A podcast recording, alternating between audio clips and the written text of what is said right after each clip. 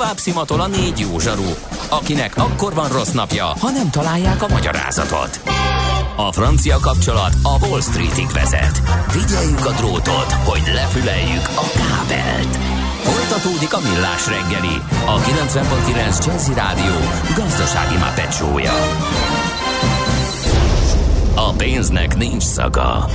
Mi mégis szimatot fogtunk. Jó reggelt kívánunk, 9 óra 8 perc van, folytatódik a millás reggeli, itt a 9.9 Jazzy Rádión, melynek SMS, WhatsApp és Viber száma 0 30 20 10 909 és amelyre jött néhány SMS, de mielőtt ezeket beolvasnám, előtte bemutatom műsorvezető társamat, akit Gede Balázsnak hívnak. Jó reggelt kívánok, Gede Balázs vagyok. Ennél lassabbul nem tudok mondani. nem, megvan meg ott a Csaba, igen. Hogyha már Jó. nem kell az időt húzni, esetleg amit láttál SMS-t, azt igen. még elmondhatjuk. Ö, több is van. Először egy gyors közlekedés információ, mert az fontos, hogy baleset történt az Egér úton kifelé a Balatoni útnál, arra felé egy sáv járható érdemes kerülni, akinek még nem késő, illetve az M7-es az m 0 jól járható, az m 0 Szeged felé kicsit dugul, a híd után már jó, a másik irány brutál, a Dabasi lehajtóig van dugó, írja Vassza, köszönjük szépen, illetőleg valaki kapott, egy kedves hallgató kapott egy élelmiszer nagykerű üzenetet, 0701. A következő áremelések lépnek életbe. Globus konzervek 6-12 százalék. Bonduel 10-12 százalék. Tészták 10 százalék. Majd utána egy másik üzenet. Vénuszétolaj 10 százalék. A piacon tapasztalható drasztikus alapanyag áremelkedés miatt így aztán a hallgató számítása szerint bruttó 745 forint egy liter étolajnak a nagy kelára. Ugye kíváncsian várjuk az inflációs adatot a héten, úgyhogy ezért... Hú, az csütörtökön kilenckor jön, igen, igen, hát az érdekes lesz nagyon. Na jó, hát akkor... Hát ezek jöttek. Ballagjunk tovább. Nem ma, és nem mi találtuk fel a spanyol viaszt. Mesél a múlt. A millás reggeli történelmi visszatekintő rovata akkor, abból az időből, amikor pödört bajusz nélkül senki nem lehetett tőzsde üzér. Érdekességek, évfordulók, események annó. Mesél a múlt. Így trédeltek dédapáink. Egy szép kerek évforduló, kérem szépen Jean de la Fontaine, 1621-ben született július 8-án. Róla fogunk megemlékezni, és az ő alakját felidézni, kivel mással. Katona Csaba történész lesz a segítségünkre. Szia, jó reggelt! Szerbusztok, jó reggelt kívánok, és valóban gyönyörű kerek évforduló. Én pedig nagyon-nagyon boldog vagyok, hogy ez így alakult, mert azt gondolom, hogy Jean de la Fontaine, vagy ahogy egyszerűen csak mondani ezt tudtuk, La Fontaine, uh-huh. ő is egy olyan figura, aki így nemzedékeken át mindenkinek úgy, úgymond része lett az élete szövedékének, olyan értelemben, hogy La, Fontaine állatmesék, és aztán nagyon sokszor már a keresztnevével is gond van. Mert hogy La Fontaine is állatmesék. Ennyi. És, és közben ő sokkal több mindent tett le az asztalra, meg ráadásul Jean volt. Ráadásul Zsán volt pontosan, mint oly sok más Zsán a francia történelemben, és hát ráadásul, hogyha kicsit foglalkozni akarunk az ő személyével, meg az életével, akkor uh, egy nagyszerű lehetőség áll rendelkezésünkre, amivel én élni is szeretnék, mert magamhoz ragadtam egy kötetet, ugyanis a magyar irodalomnak egy páratlan zsenie Radnóti Miklós foglalkozott egyebek mellett vele, és azt gondolom, hogy nála szórakoztatóban senki sem tudott Lafontaine-ről írni, úgyhogy én Radnótit sűrűn fogom idézni. Már csak azért is, látni fogjuk, hogy a prózaíró Radnóti is milyen rebekül forgatta a tollat, úgy mellesleg Lafontaine kapcsán, de lássa fel össze magát Lafontaine-t. Tehát, és aztán majd szépen rácsatoljuk, hogy hogyan is miként interpretálta ezt az életet. Jó, szuper. Radnóti Miklós 1943-ban egyébként gondoljunk bele az évszámba, Igen. és aztán Radnóti halálába. Nos hát, Jean de la Fontaine Chateau Thierry-ben született, és ugye 1621. július 8-án, tehát kettő nap múlva lesz, ha jól számolom, éppen 400 éve, hogy meglátta a napvilágot és hát alapvetően nem rendeltetett ő arra, hogy a francia irodalom, meg a világirodalom jelese legyen, mert hát Párizstól kb. 100 kilométerre található ez a hercegség, ahol ő meglátta a napvilágot, hogy már korábban is említettem, és jó módban élt az apja, édesapját úgy hívták, hogy Sárl, tehát Károly, és úgymond az volt a feladata, hogy az erdők és mezők őreként szolgálja az uralkodót. Már irigylem. No. Ugye? Az a probléma, hogy uh, mi zsannunk kicsit urbánus típusnak bizonyult, és nem igazán passzolt hozzá ez a munka, fogalmazunk úgy, mert miközben simán betogozódhatott volna, hogy átvegye édesapjának úgymond ezeket a feladatait. Nem ezt, nem ezt tette, ő egészen mással foglalkozott, egész egyszerűen nem hozta izgalomba a természet szépsége, úgyhogy lehet, hogy helyet kellett volna cserélned vele. Ő, ő helyett tanulni kezdett, például latin nyelvet. Ez komolyan felkeltette az érdeklődését, elhanyagolta az ógörögöt ezzel szembe. Ez később nagyon-nagyon megbánta, mondván, hogy az ógörög meséket, hiszen ugye rengeteg ógörög szerzőtől merített.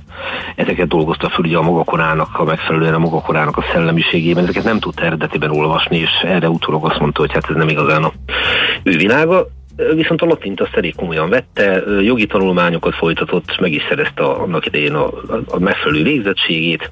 A baj azból fakad, hogy a szülei elhatározták, hogy hát valami normális életet biztosítanak számára, és elhatározták, hogy megházasítják. Na most ez nem neki való volt, hogy finom legyek. Tehát 20 ezer liv hozományt kapott a feleségével, ami ugye hát elég jó hangzik. Uh-huh. Lássuk be, hogy Mari Irikár, így hívták a feleségét, 16 éves volt a hölgy, ő egy picivel idősebb, de gyakorlatilag az a házasság épp úgy nem működött, mint a felügyelőség, és ez az a pont, amikor egy picit átadnám a szót Radnótinak fellapozván itt a államlevő könyvet, idézem. 26 éves, mikor megházasítják, és a vizek és erdő felügyelőjének, tehát hogy az édesapja pozícióját megörökölvén nevezik ki. A csodálatos nevű hivatalt apjától örökli, de nem nagyon buzgolkodik benne, a fizetését felveszi, és Párizsból ügyel fel az erdőkre és a vizekre. Vessük össze a család életével. A házasságát pedig lassacskán egészen egyszerűen elfelejti. Az szép. Hát feltalálta a távmunkát, ugye már akkor? Én azt gondolom, hogy minden tekintetben. E, ezzel együtt született egy gyermeke, de szerintem a házasságról minden mást elmond, és akkor megint Rodnótit idézem. Fiát más neveli. Mikor társaságban évtizedek múlva találkozik vele, meg sem ismeri. Uh. Nagyon rokon szenves, feleli, mint egy mentegetőző, amikor figyelmeztetik. Barátai hosszas unszolására egyszer meglátogatja feleségét is. Sató Thierrybe utazik. A szolgálólány persze nem ismeri. A madám itthon van? kérdi. A madám vecsernyén van, feleli a lány. Köszön és elmegy. Egyik barátjánál megvacsorázik, ott alszik, jól érzi magát, egy napot még ott tölt, eszik, iszik, beszélget, és harmadnap reggel a fordulópostakocsival visszatér Párizsba. Az izgató kérdezősködnek sajnálkozva elmeséli, hogy feleségét nem is láthatta, mert vecsernyén volt, mikor nála járt. Na most ha lehet olyat mondani, hogy önző zseni, akkor azt gondolom, hogy ez itt, ez itt, tök, ez itt tökéletesen megfogható. És ezt az úriembert valójában beszippantja Párizs, és bőven elmúlt 30 éves, mondjuk úgy, hogy ilyen laza életvitelt folytat a városban, amikor elkezd igazán komolyan irodalommal foglalkozni. És merít az ókori szerzőktől, de ugye azért egy másodpercig se felejtsük el, hogy ebben az időben ez teljesen bevett dolog, tehát nincs ilyen, hogy plágium, meg hogy motivumokat nem illik átvenni, vagy, vagy hogy ez egyáltalán kínos lenne, vagy jogi kategória lenne, hanem fogja magát, és merít ezópusztól, vagy ájszópusztól, egészen pontosan Fejdrusztól, tehát az ókori szerzőktől, és ezeket interpretálja a maga korába. Fennmaradt róla egy olyan, tehát talán anekdotának nevezném, hogy ez az ember valójában esetlen volt, tehát képtelen volt ellátni saját magát, mindent helyette intéztek el, nem boldogult az élet ügyes bajos dolgaiba, ezt azért így láthattuk ugye a házassága kapcsán például. Igen. És, és hogy egy ilyen, már bocsánat kifejezés, ilyen töketlen figura volt, akinek mindent elintéztek. Na most van róla egy olyan sztori, hogy üldögélt a Párizsból Versailles felé vezető úton, és mindenki nézegette az arra futó kocsikból, hogy ki ez az úriember, aki néz maga elé, és most jól megállapítják, hogy na hát ez Lafontaine. És fúj a szél, Lafontaine nem érdekli. Esik az eső, Lafontaine nem érdekli. Elázott, aztán megszáradt, mert fújt a szél, aztán újra elázott, és ezt egészet tulajdonképpen észre se vettem be, valahol a távolban járt a szeme, és hogy, hogy ez az egész így egy, egy ábrá, tökéletesen megmutatja azt, hogy mennyire úgymond ügyetlen ember volt. Na most ehhez képest Radnót egy teljesen más értelmezést vett elő. Ő azt írja róla valójában, hogy itt arról van szó, hogy roppant kényelmesen és roppant tudatosan beleállt abba, hogy helyette úgyis elintéznek mindent, és mit foglalkozzon ő ezekkel a hülyeségekkel. Aha. És ugye ez egy elég éles fordulat, most akkor idézem megint Rodnótit. Szabad ember nem csak lélekben, testben is. Életrajzírói megemlítik, hogy barátai kisé válveregetően jó fiúnak hívják, tanácsokkal látják el, útbaigazítják, fegyelmezik, nevelik, de elintézik helyett ügyes bajos dolgait is. És ez a fontos. Ez az utóbbi megírni neki, hogy gyereknek tartsák. A bonom valójában anarchista. Ha unja a társaságot, fel kell és sétálni indul. És tulajdonképpen de kicsit, kicsit olyannak ábrázolja Radnóti, mint amikor Berger fölpattan a asztal tetejére a herben, és ugye Igen. még Igen. sem megbotránkoztat mindenkit. Ugyanakkor azonban a megbotránkoztatás rétege alatt ott lapul az a fajta elismerés és íziség, hogy a fiatalember megmeri tenni, ugye az idős hölgy föl is pattan vele az asztal tetejére táncol, Igen, igen. Magával rántja. És kicsit nekem ezt a figurát hozza Lafontem, Megint csak Radnótit idézem. Meghívják ebédre, ebéd után érkezik. Ez még napjainkban is súlyos vétség, nem a Lafontaine századában. De néki szabad volt. Elérte azt, hogy nem vették komolyan. Miért késett így elkérdik tőle? Egy hangya temetésén volt feleli, követte a kertben a menetet, a gyászoló családot, visszakísérte a bolyig, és megszerkesztette a sírfeliratot. Elérdik neki. Szóval ez a, ez a korai anarchista valójában, és azt hiszem ez talán így, így jól jellemzi őt, valójában az alkotásnak szenteli az életét, és van, hogy nagyon-nagyon sokáig dolgozik egy-egy munkán, és ami vele kapcsolatban még kiemelendő, és erre már itt utaltunk, hogy azért nem csak állatmeséket írt ő. Tehát ezt, ezt ne felejtsük el. Ugye az állatmeséi valójában és szinte az összes munkája, az, az nem az állatokról szól. Ugye az állatok azok gyakorlatilag embereket jelenítenek meg, az emberi gyorlóságot Igen. meg, az emberi természet, az irisége. Gondoljunk a róka és a holló sztoriára, a tücsök és a hangyára. Igen, igen, pontosan. És itt viszont van benne még egy nagy csavar. És erre megint Radnóti mutatott rá szerintem meglehetős élességgel. A, az pedig az, hogy se nem tücsökpárti, se nem hangyapárti. Uh-huh. Tehát, hogy nem teszi a voksot egyik oldalra se. Radnóti konkrétan azt írja, hogy mindenki úgy van vele, hogy hát tulajdonképpen ha megnézzük, hogy miről van szó ebben a mesében, akkor a, a hangya józan önzés, a polgári idegség az mennyire felháborító a költőtücsökkel szemben, viszont volt egy olyan egyetemi oktató, aki meg a tücsök barátja címmel tartott róla előadást, és akkor Radnóti azt írja róla, hogy tücskök barátja volna, hát egyik sem, nem hangyapárti és nem tücsökparti. Un independent. Egy francia irodalom történetíró ezt jegyzi a róla egyzett szóló fejezet fölé. És tényleg ez a fajta szabad lélek, aki nem adja meg a feloldozást a meséi olvasójának, hogy ez a jó vagy az a rossz, vagy ha megadja ezt a feloldozást, abból meg egyértelmű gúnyal derül ki, hogy valójában az emberi gyarlóságot gúnyolja ki. Ugye nekem az egyik nagy kedvencem az Egerek országgyűlése, nem tudom, emlékeztek erre a sztorira. Hú, az nekem Ez ne- pont nincs meg, képzeld nekem se, igen.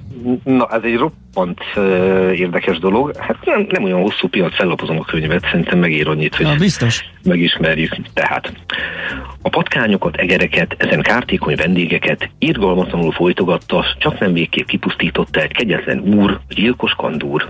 Ezen halálos ellenség fejűre ők ugyan elég szitkos átkot szórnak, de erejükben nem bízván vélek láncsát törni nyilván nyúlszívűek valának. Egyszer március havában, az évnyíló szakaszában a kandúr elindult, és párkeresni szerte széjjel járt, hogy erről értesülének, kik még áldás vérszomjának martalékai nem valának, országgyűlést hirdetnek a patkányok az egerekkel, és megnyiták fontos beszédekkel. Egy tapasztalt egér felállás lelkesedéssel prédikálta. Uraira a kandúr bennünket széltire gyilkol, és nemünket veszéllyel fenyegeti, nincs más mód korlátozására, mint csengettyűt kötni farkára. Midőn magát az álomnak, az éjjeli nyugalomnak karjai közé veti, ekkor minden lépéseit meghalván gyilkos körmeit kiki elkerülheti. Harsogó tett és követi egy dicső javaslatot, minden vita csetepaté nélkül elfogadtatott. De kivégezhetné életét kockára vetni, csak egy sem találkozott. Mindegyik szabadkozott, egyik ügyetlennek vallá magát, s bosszúsággal hallá, hogy őt tűzték ki célul. Másik azt állítja, józan esze annyira helyén van, hogy a kondúrhoz nem nyúl. Mindenkinek volt mensége, s így lőn a gyűlésnek vége. Hm. Na hát, Igen. ez nem egy happy end, ezt lássuk be. Igen. Kellő cinizmusra az jutott az eszembe, amikor a Parkinson törvényű színű remek könyvben azt olvastuk, hogy nem véletlen, hogy még egy bizottságnak sem állítottak szobrot. Igen, pontosan. Meg a fogjuk meg és vigyétek, ugye? Így, pontosan, így van, tehát az elvirányítást átvettük, most már csak valaki csinálja meg. Igen. E, És hát vannak neki ilyen írásai is, mint például a Szerelmes Kurtizán című válogatott szép históriáknak a gyűjteménye. Ilyen emberek fordították és magyarították, és ez mindent elmond róla, mint Rónai György, Babics Mihály, Jékeli Zoltán. Tényleg a magyar irodalom legjobbjai, és én nem véletlenül említettem itt Radnótit is, hiszen ő is foglalkozott a fordításával. Úgyhogy megfelelő interpretációban magyarul is hozzáférhetőek az ő művei. Ne felejtsük el Gustav Doré rajzait, hiszen leginkább ugye a modern korban egyebek mellett ettől lett híres.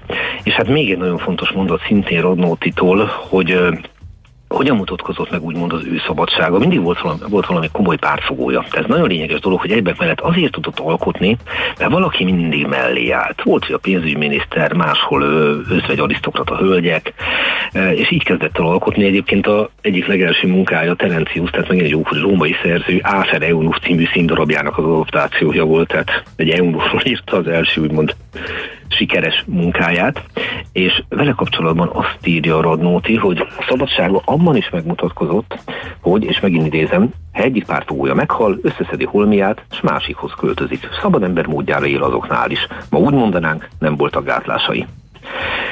És össze akarom foglalni ezt az egészet, abból az derül ki, hogy van egy önkívül öntörvényű irodalmi zseni, aki, akinek valójában van egy másik életműve, és ez pedig az élete. És innentől kezdve, és itt egy picit szerintem komorabbá válik ennek az egésznek a leírása, az már döntés kérdése, hogy egy végtelenül határtalanul szabad emberként írjuk le, vagy pedig, mint annyi más művész, tisztelet a kivételnek, mert azért van persze bőséggel, ez az öntörvényűsége átcsapott abba a fajta gátlástalanságból, amit Radnóti is megpendített, hogy valójában ez a szabadság, ez, ez egy, egy bizonyos ponton túl a gátlástalan önzésnek majdnem, hogy a eleven szobrává adta La Fontent.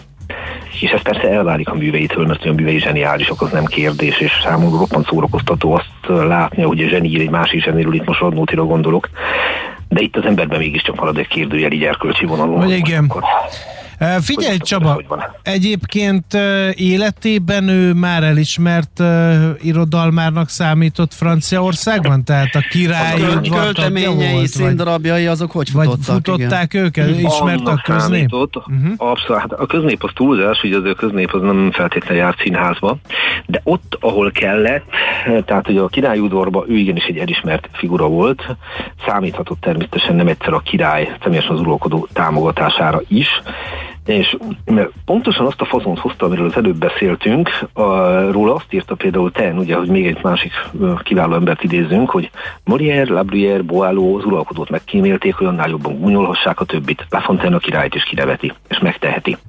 Megteheti, tehát elnézik ezt neki, és igen, ott áll mögötte nem egyszer az uralkodó támogatása. Pontosan azért, mert hát vagy például kik voltak a támogatói, hát például Fuki a, a pénzügyminiszter, ugye nem keverendő Fuséval, aki ugye egy évszázaddal később élt, uh-huh. de, de ő például komoly támogatója volt, és miután Fuki bukik, hát pénzügyminiszterekkel ez megesik, nevezetesen börtönbe került, tehát ez így esett.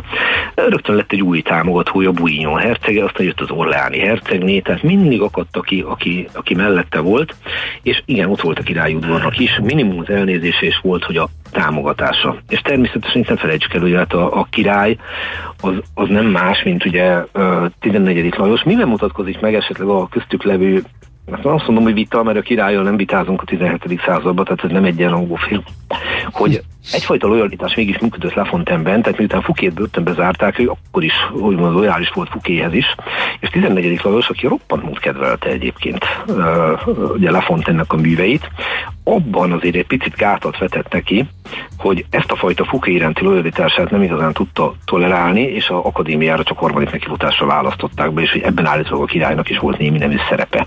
De, de körülbelül ennyi volt a uh-huh. negatív töltete a úgymond a kettejük viszonyának, kapcsolatnak nem nevezném, hogy nagyon-nagyon ne felejtsük el, hogy egy, egy királlyal csak egy királynak van egy ilyen uh-huh. kapcsolata legjobb esetben. És uh, egyébként uh, a francia irodalomban, az iskolákban ő egy nagy alak, tehát ugyanúgy, mint uh, nálunk Abszolút mondjuk, ha már mondtad Radnóti, tehát őt is ugyanígy oktatják, és a Nemzeti Panteon egyik uh, irodalmi Abszolút. Panteon egyik oszlopos tagja ő, ugye? Szóval ő ugye egy világirodalmi szinten tudott alkotni a 17. században, ami azért nem ugyanaz természetesen, mint ugye a későbbi időszakok, és hát az elismertségéről csak egyetlen dolgot hol nyugszik, a Perlasezbe, tehát a francia nemzeti Panteonba 1817-be vitték ide ugye a földi maradványait. Ugye 1695-ben halt meg 73 évesen, az a korban igen hosszú. Szép kor akkor, igen. Abszolút mértékig, abszolút mértékig. És hát tulajdonképpen az időskoráról keveset tudunk, ugye pár évvel a halála előtt, nyilván szűk, bő egy évtizeddel a halál előtt lesz akadémiai tag, és hogy állítólag időskorában érezte azt, hogy az életvétele nem igazán volt mintaszerű, és akkor még árnyoltan fogalmaztam, és hogy néhány Zsoltát lefordít a franciára egyéb nyelvekből, tehát kicsit ilyen talán ilyen belső megmálással vagy késztetéssel, de hát nyilván nem ez, nem ez az életművének a meghatározó dolga, viszont visszatérve valóban arra, tehát egyrészt életében elismerték azáltal is, hogy az akadémia tagja lett, holtában elismerték azzal, hogy a perlás ezt betemették fel, a mai napig ott nyugszik, tehát egy általános elismerés övezi. Már a 19. század végén, amikor így elindul a modernkori emlékezetpolitika szobrot emelnek neki, úgyhogy abszolút része a francia. Egyébként, a, aki, aki azt gondolja, vagy úgy az állatmeséin keresztül uh, ismerkedik a munkásságával, azt ezt talán kevéssé érti meg aki mondjuk nem tud franciául, az miért kevéssé, mert hogy egy igazi nyelvi művész volt, egy nyelvzseni volt ő, ahogy bánt a francia nyelven. Én valahol azt olvastam róla, hogy pont ez az, ami a klasszikusok sorába emelte őt. Igen, és ezt, ezt, ezt egyébként Radnót is kiemelte, hogy például azért nehéz őt fordítani, mert olyan nyelvi játékokat helyezett el, ugye a 17. században vagyunk, azért azt ne felejtsük el, amiket majdnem, hogy lehetetlen visszaadni a fordításra. Mm-hmm. Tehát, hogyha valaki veszi magának azt a bátorságot, hogy nagy merészen neki a Lafontaine fordítani, akkor nem idézőjelben csak a tartalmat, hanem a formát is meg kell próbálni interpretálni, és Radnóti, Radnóti Miklós, tehát aki azért ugye a, a, nem a magyar, hanem az egyetemes költészet ilyen, ő írja azt, hogy nagyon-nagyon nehéz dolga van az embernek. Nagyon nehéz dolga van, sőt, sőt akkor ha belelapozok a könyvbe, akkor ugye ő azt írja róla, hogy Lafontent minden fordító, ami meseírót és nem költőt fordította, visszaadták a mesét, amit különben Lafontaine is kölcsönzött csupán, a forma gyakran, ahogy épp kijött. Igényes és kiváló műfordító is megnyújtotta az imént elemzett kukorékoló sorokat, észesen véve miről van szó, és föntebb elemzi, hogy a kakas kukorékolását hogyan jeleníti meg tökéletes Alexandrinus formába adott esetben. Tehát, hogy egész egyszerűen olyan szinten a fordítóinak egy része, sőt, túlnyomó része a tartalomra fókuszált, hogy nem fordított figyelmet arra, hogy a fóruma mennyire fontos szerepet játszik, hogy egy-egy hang hogyan adja vissza mondjuk az adott állatnak a, a általán kibocsájtott hangját és ehhez hasonlót. És hogyha Lefontent akarunk fordítani, akkor erre is figyelni kell, mert veszít az értékéből. Jól lehet sodró a történet, amiről ír, meg szórakoztató, de, de, de ez a forma hozzá tartozik. És megint ezt nem én mondom, ezt a Radnóti. Igen, kicsit François Villon jut eszembe. François Villon jut eszembe, az, őt, őt is hányan, hányféleképpen, hány Aztán a faludi igen, sikerült igen, igen, talán igen. a legjobban, igen. Hát uh, Rainer Maria Rilkének van egy verse, ahol előfordul az a rímpár, hogy Áber, Kandelaber, és ha jól emlékszem, és remélem jól emlékszem, Tóth Árpád fordította ezt le úgy, hogy ám a lámpa. Jó, de jó. Na, ugye. Az, az arhaikus Apolló Igen. Hát innen is láthatjuk, hogy a műfordítás nem kevésbé nehéz feladat, mint uh, maga egy eredeti zseniális műnek a megalkotása. Hát egyáltalán nem. Hát, engedjük meg még egy sort, tehát így, hogy um, Eckhart Sándor hogyan elemezte Lafontaine egyik sorát. A francia versor zárt alkotó cezúrája, melyet az öblös U és egy szájtátó A hang előz meg, a záró K üres zörgése pontosan fotografálja a fontos mozdulatot, majd a sor második felének rohanó esése a sajt lepottyanását, az uhanást a tompa színezetű magánhangzó sora festi alá. Nem állítom, hogy én ezt értem, de jó hangzik. Valóban. Igen. Hát Csaba, nagyon köszönjük, nagyon szuper, tényleg kicsit túllátunk a, az ismert meséin.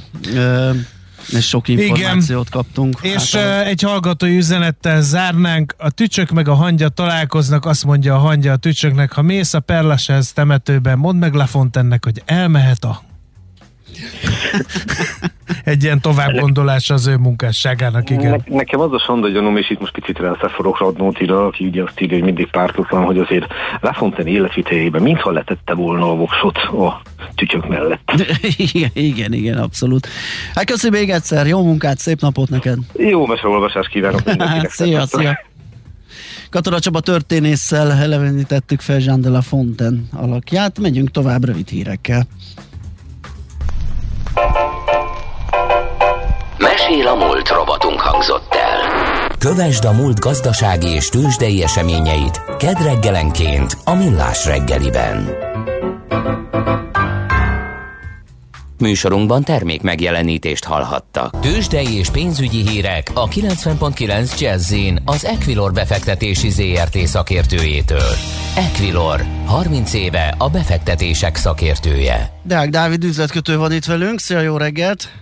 Sziasztok, jó reggelt, üdvözlöm a hallgatókat. Hát Na. tegnap nagyon ergya forgalomban igazából nem sok minden hát, történt. Lehet, hát, hogy még majd most, ma. lehet, hogy még most délelőtt is az van, ugye, mert csak a délután lesz Amerika, bár nyilván a futures már valamit mutatnak, hogyan állnak a tőzsdék. Hát a budapesti értéktőzsdén, ahogy említettük, egy szinte nulla forgalom van, mínusz 1,1%-os csökkenésben a Bux Index 47.369 ponton áll, de még a 200 millió forintos forgalmat se érik el. Nem már, ne vicceljünk már. Hát 180 millió forint volt a teljes forgalom igazából a, a budapesti értéktős, de első 40 percének kereskedésében, és hát igazából a, a MOL részvény emelkedik egyedül 3,1%-os pluszban 2386 forinton kereskedik.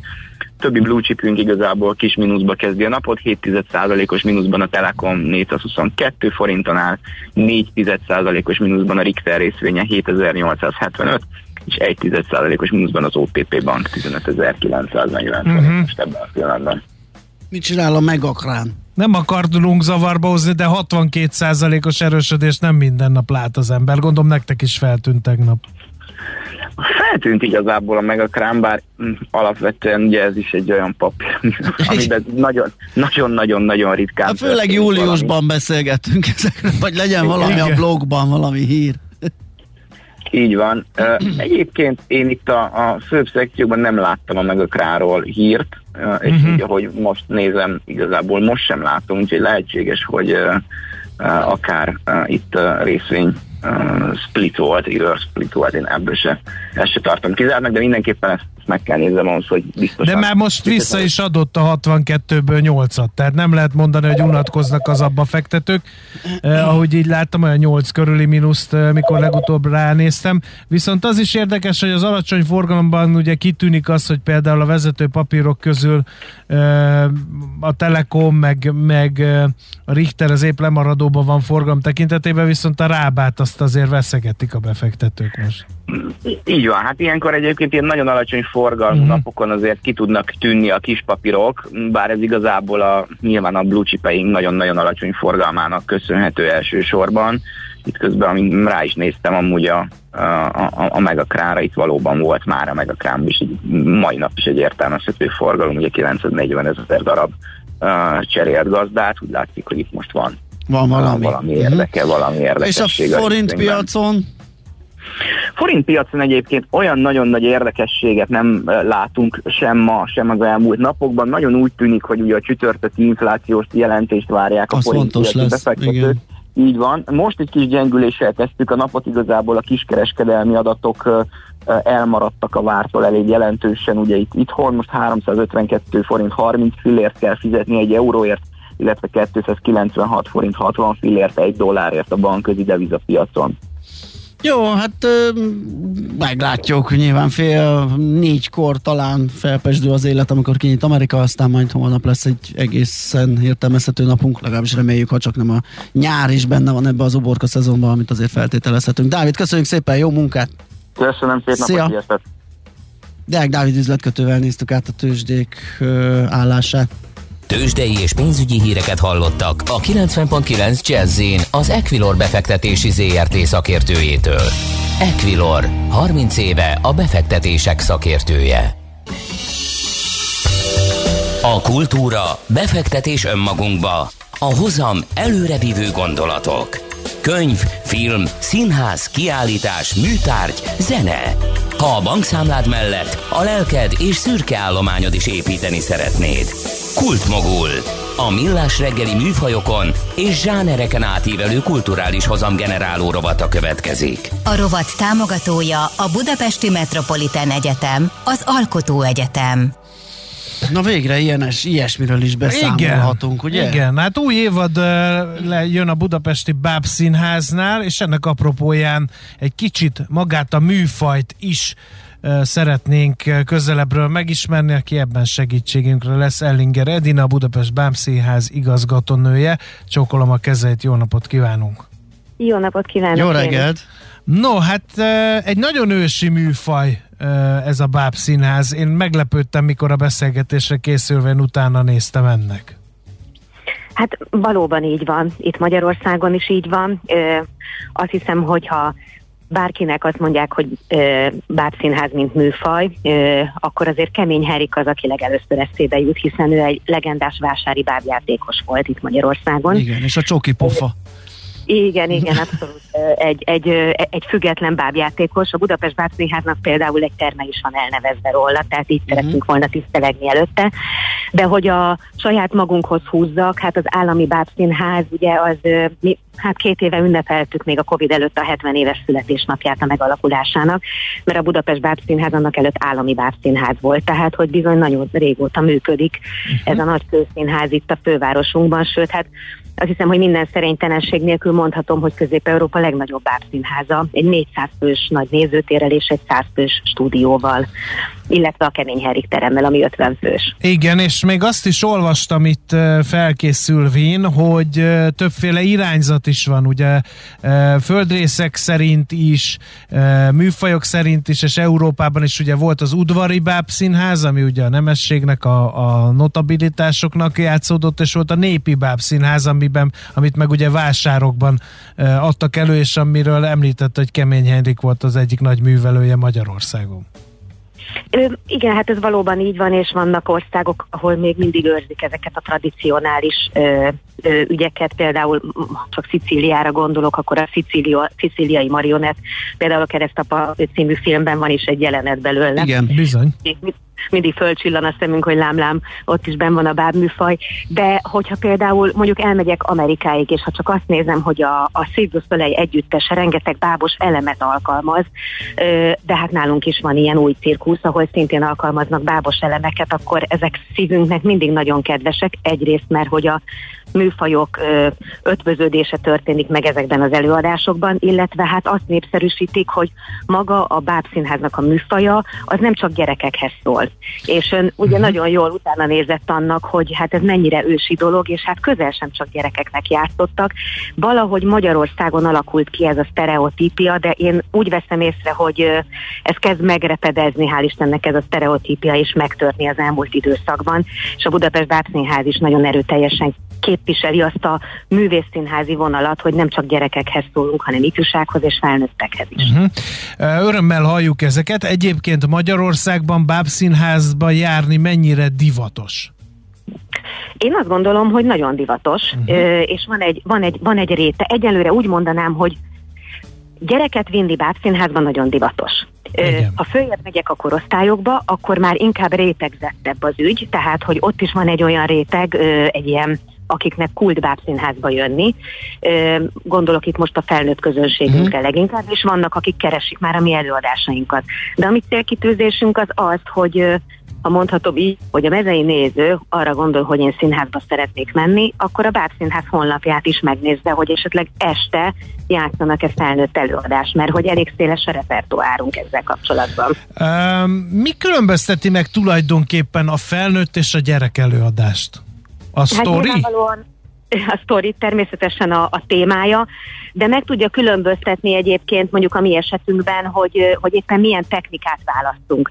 Uh-huh. Tehát a, a a gyerekeknél azért nagyon sok olyan előadás van, ahol az illúzió színházra hagyatkozunk, az azt jelenti, hogy nem látszik a bábszín, és csak a báb játszik. Ezek az úgynevezett paravános játékok, vagy van olyan, hogy fekete színház, amikor a bábszínészek jótékonyan a sötétben maradnak csukják segítségével, és akkor csak egy síkot lát a gyermek. Uh-huh. De még ezt sem mondhatom, hogy feltétlenül így van a, én megrendeztem a Boribon és Andi Pani című előadást, most már azt hiszem lassan tíz éve, ahol látszódnak a bábmozgatók, a bábszínészek a bábok mögött, és a gyerekeknek semmilyen problémát nem okoz leválasztani a figurát arról a uh-huh. hölgyről. Nyilván a sztori elviszi. Tehát, a... tehát nem úgy kell elképzelni, hogy maguk a báb művészek is szereplők, hanem ők nem szereplők, de beszéltetik a bábokat, mozgatják a bábokat, és, és látszanak a színpadon, és ennek ellenére a gyerekek a bábokra fókuszálva élik meg a történetet akkor. Hát nagyon-nagyon sok, nagyon sokféle uh-huh. megoldás van, és én pont ezért imádom ezt a műfajt,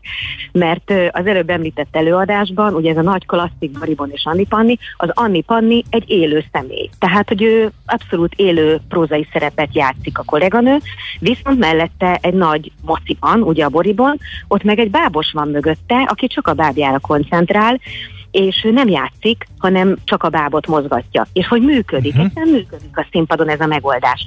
De mondom, a gyerekeknél azért, azért nagyon sokszor fordul elő, hogy csak egy sik van, csak a bábot látjuk. És akkor, ahogy megyünk feljebb a korhatárokban, csak hogy most említsek például egy jövő évi bemutató, a, bemutatót, a Hello, Hello Heraklész című produkciónkat.